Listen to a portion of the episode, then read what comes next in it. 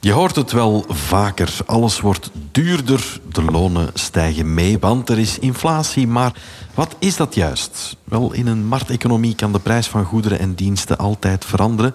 Sommige prijzen stijgen, andere dalen. Inflatie treedt op wanneer er sprake is van een algemene stijging van de prijzen van goederen en diensten, niet alleen van individuele producten.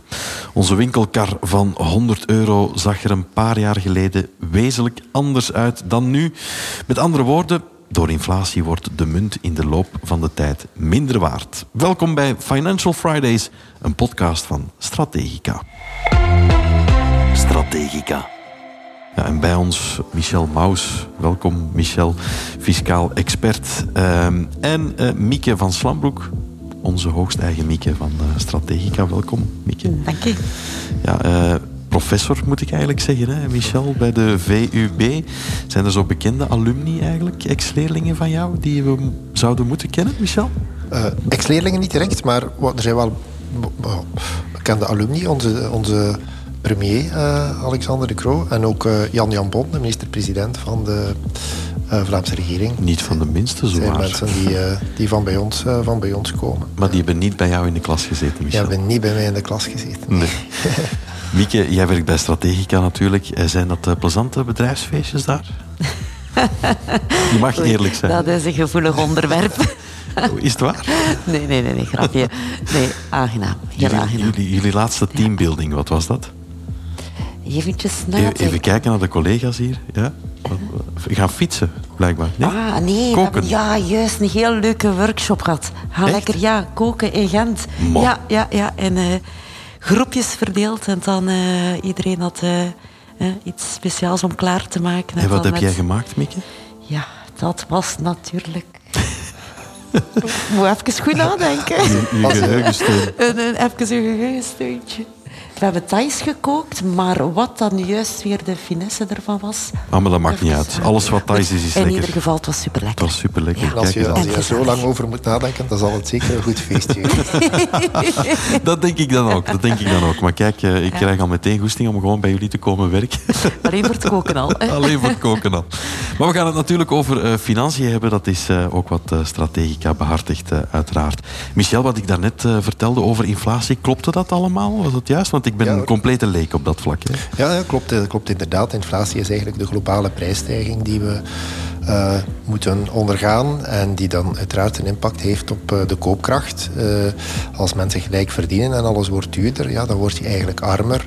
Vandaar dat er een aantal mechanismen zijn in ons, in ons systeem die ervoor zorgen dat uh, lonen bijvoorbeeld en uitkeringen, dat die worden aangepast uh, aan de inflatie, zodanig dat de koopkracht van uh, ja, de, de burger dat die gevrijwaard wordt. Mm -hmm. En momenteel zitten we een beetje in slechte papieren hè, op dat vlak. Mm -hmm. Ja, die inflatie is eigenlijk op zich geen probleem als dat allemaal wat onder controle blijft. En denk dat we de laatste oh, tien, tien jaar zo ongeveer met een jaarlijkse inflatie zaten van rond de 2%. Maar ja, vorig jaar door de oorlog in Oekraïne en de impact op de energieprijzen, ja, hebben we natuurlijk een, naar onze normen spectaculaire inflatie zien, zien ontstaan, waarbij we vorig jaar uh, op 9,6% zijn uh, geëindigd. Dus bijna 10% inflatie, wat dus vijf keer zoveel is als, als normaal. Is dat historisch hoog ook? Uh, dat is uh, niet uh, historisch hoog in de zin de hoogste inflatie ooit. Maar ja, be, als, zeker als je het over de laatste decennia bekijkt, is dat toch vrij stevig. Ja. Mm -hmm. Dat zal ook niet meteen terug afremmen, neem ik aan. Hè?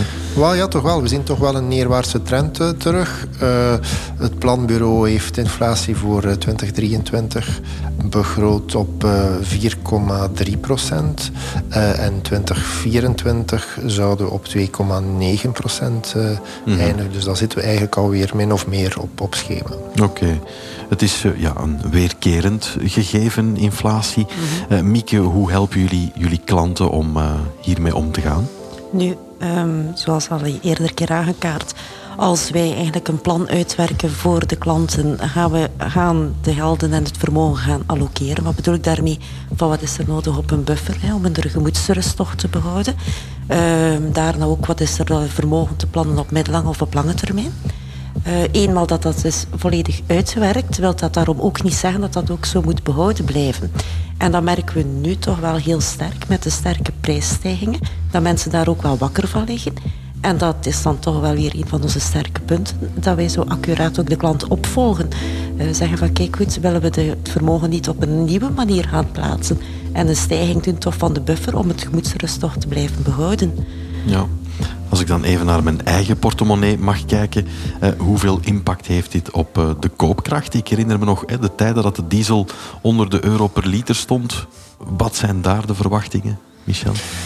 Ja, ehm, in principe, zeker voor de werknemers, dus uh, mensen die uh, onder een arbeidsstatuut werken, of een, ambtenaren en mensen die een uitkering krijgen, wordt de inflatie in principe opgevangen door de, de loonindexering. Dus dan wordt alles wel duurder, maar je krijgt dan ook meer loon, meer netto-loon, waardoor de koopkracht eigenlijk zou moeten gevrijwaard blijven, op hetzelfde niveau blijven. Het is natuurlijk iets anders als we met uh, mensen te maken hebben die zelfstandigen zijn ja, die moeten dan eigenlijk hun uh, inkomsten zien uh, op te drijven. Uh, dat wil zeggen uurtarieven aanpassen.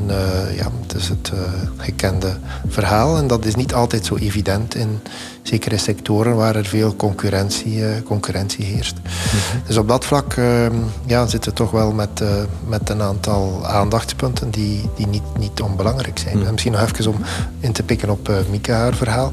Ehm, als inflatie ertoe zou leiden dat de koopkracht daalt, moesten we dat niet aanpassen, eh, moesten we onze lonen niet aanpassen, dan zit je zeker met dat probleem dat de koopkracht wordt aangetast.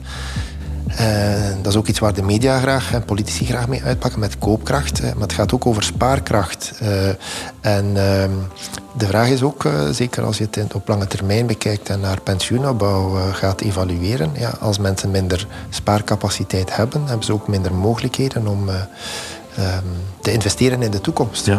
Eh, waardoor we eigenlijk ja, op termijn ook wel een probleem kunnen krijgen op dat vlak. Nu, om daar even op in te pikken.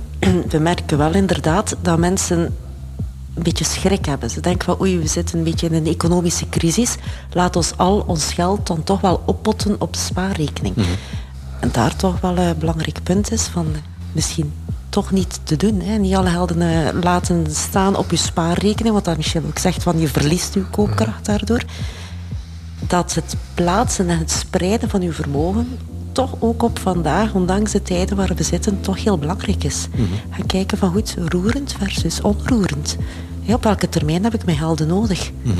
In een ideaal scenario moet, moet uw vermogen uh, eigenlijk ook op niveau blijven van de inflatie, anders word je ook armer. Ja. Uh, dus ook dat is een uitdaging voor uh, ja, beleggingsfondsen, et cetera, om, om dat niveau te kunnen, rendementsniveau te kunnen aanhouden en, en bij te blijven met de inflatie. Mhm.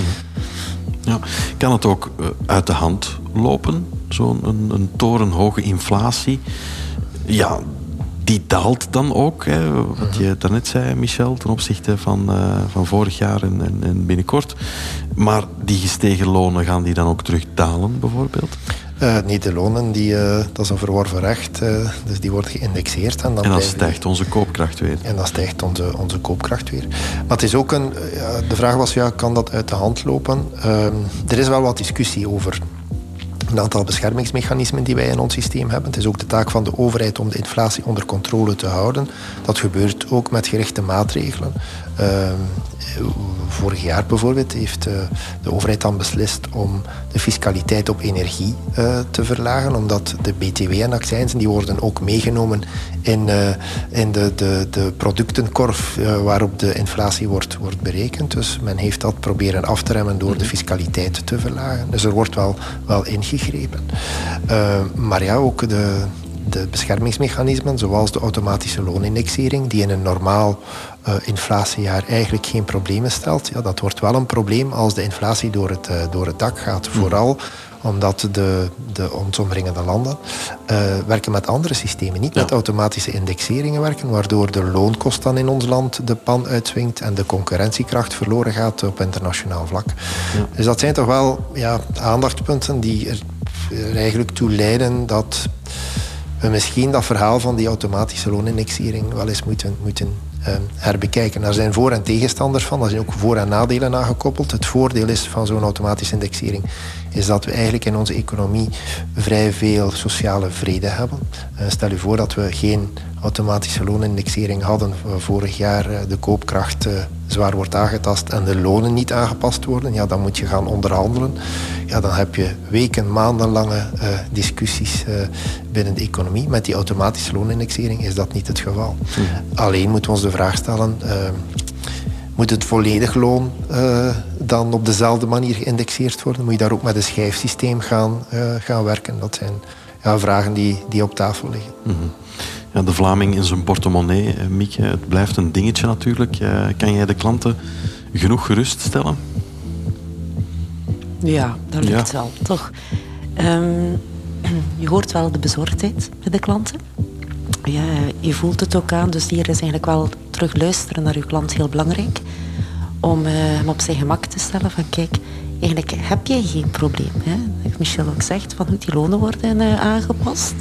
Uh, voor sommige mensen is die hoge inflatie ook een positief effect, hoe raar dat ook mag klinken. Vertel, kan je dat duiden met een voorbeeld? Nu, als we dan bijvoorbeeld kijken naar bepaalde ondernemers bijvoorbeeld, uh, die gaan hun prijzen hè, ook gaan aanpassen. En die gaan misschien minder produceren, maar door de grote prijsstijgingen van hun producten realiseren zij wat mooie winsten. Ja. He, dus goed, wij beheren alleen toch ook portefeuilles van ondernemers, dat we toch gaan ook adviseren. En uh, op die manier uh, merk je van, hm, het is toch niet voor iedereen zo slecht. Mm -hmm. huurprijzen worden ook geïndexeerd. Dus, uh, dus ook op dat vlak, mensen die hebben geïnvesteerd in opbrengsteigendommen, hebben eigenlijk een zekere garantie dat uh, de huur mee evolueert met, uh, met inflatie, waardoor er ook relatieve zekerheid is dat, dat er geen problemen ontstaan. Mm -hmm. Ja, dat brengt mij dan... Ja, ja dat is, inderdaad, dat is een goed punt wat Michel hier aanhaalt. Hè? Vandaar ook weer dat spreiden van je vermogen. Niet alles oppotten op die spaarrekening. Mm -hmm. Maar kijk van goed, als ik een lange termijn vermogen kan plaatsen, ja, waarom inderdaad niet naar vastgoed gaan? Ja. Mm -hmm. Maak gebruik van het, ook dat hefboomsysteem. Ja. Het brengt mij wel bij de vraag van, is het nu eigenlijk iets goeds of iets uh, slechts, hè, die inflatie? Wat denken jullie, Michel? Wat denk jij? Uh... Ja, mm, ja, het is een... Uh, helaas zijn er dingen, vrees ik... is het de bluts met de, met de dus, bijl? Ja, voor een, stuk, voor een stuk ja, de bluts, de bluts met, met, met de bijl. Maar wat we ook niet... En dat, dat, dat wordt soms... ik vind, er is sowieso een, een, een wel verzuring maatschappelijke verzuring bezig. En soms zijn we te weinig bezig met, met hoe ons systeem in elkaar steekt en, en hoe goed het hier eigenlijk is. Het verhaal van inflatie uh, wordt opgevangen door, door maatregelen. Uh, dus op zich zou het eigenlijk geen probleem mogen zijn. Het wordt een probleem in extreme situaties, zoals de oorlogssituatie die we nu hebben gehad. Maar door de jaren heen is dat eigenlijk een vrij normaal uh, Normale gang van zaken. Ja. Het schudt ons misschien ook af en toe wat wakker. Bedankt Mieke en Michel voor het uh, gesprek. We hadden hier uh, vandaag bij ons Michel Maus en Mieke van Slambroek van Strategica. Luister zeker ook onze andere podcasts of neem een kijkje op www.strategica.be voor nog meer informatie. Tot binnenkort. Strategica. Financiële experten. Tot uw dienst. Heb je vragen of opmerkingen over deze aflevering, dan kan je mailen naar podcast.strategica.be. Tot gauw.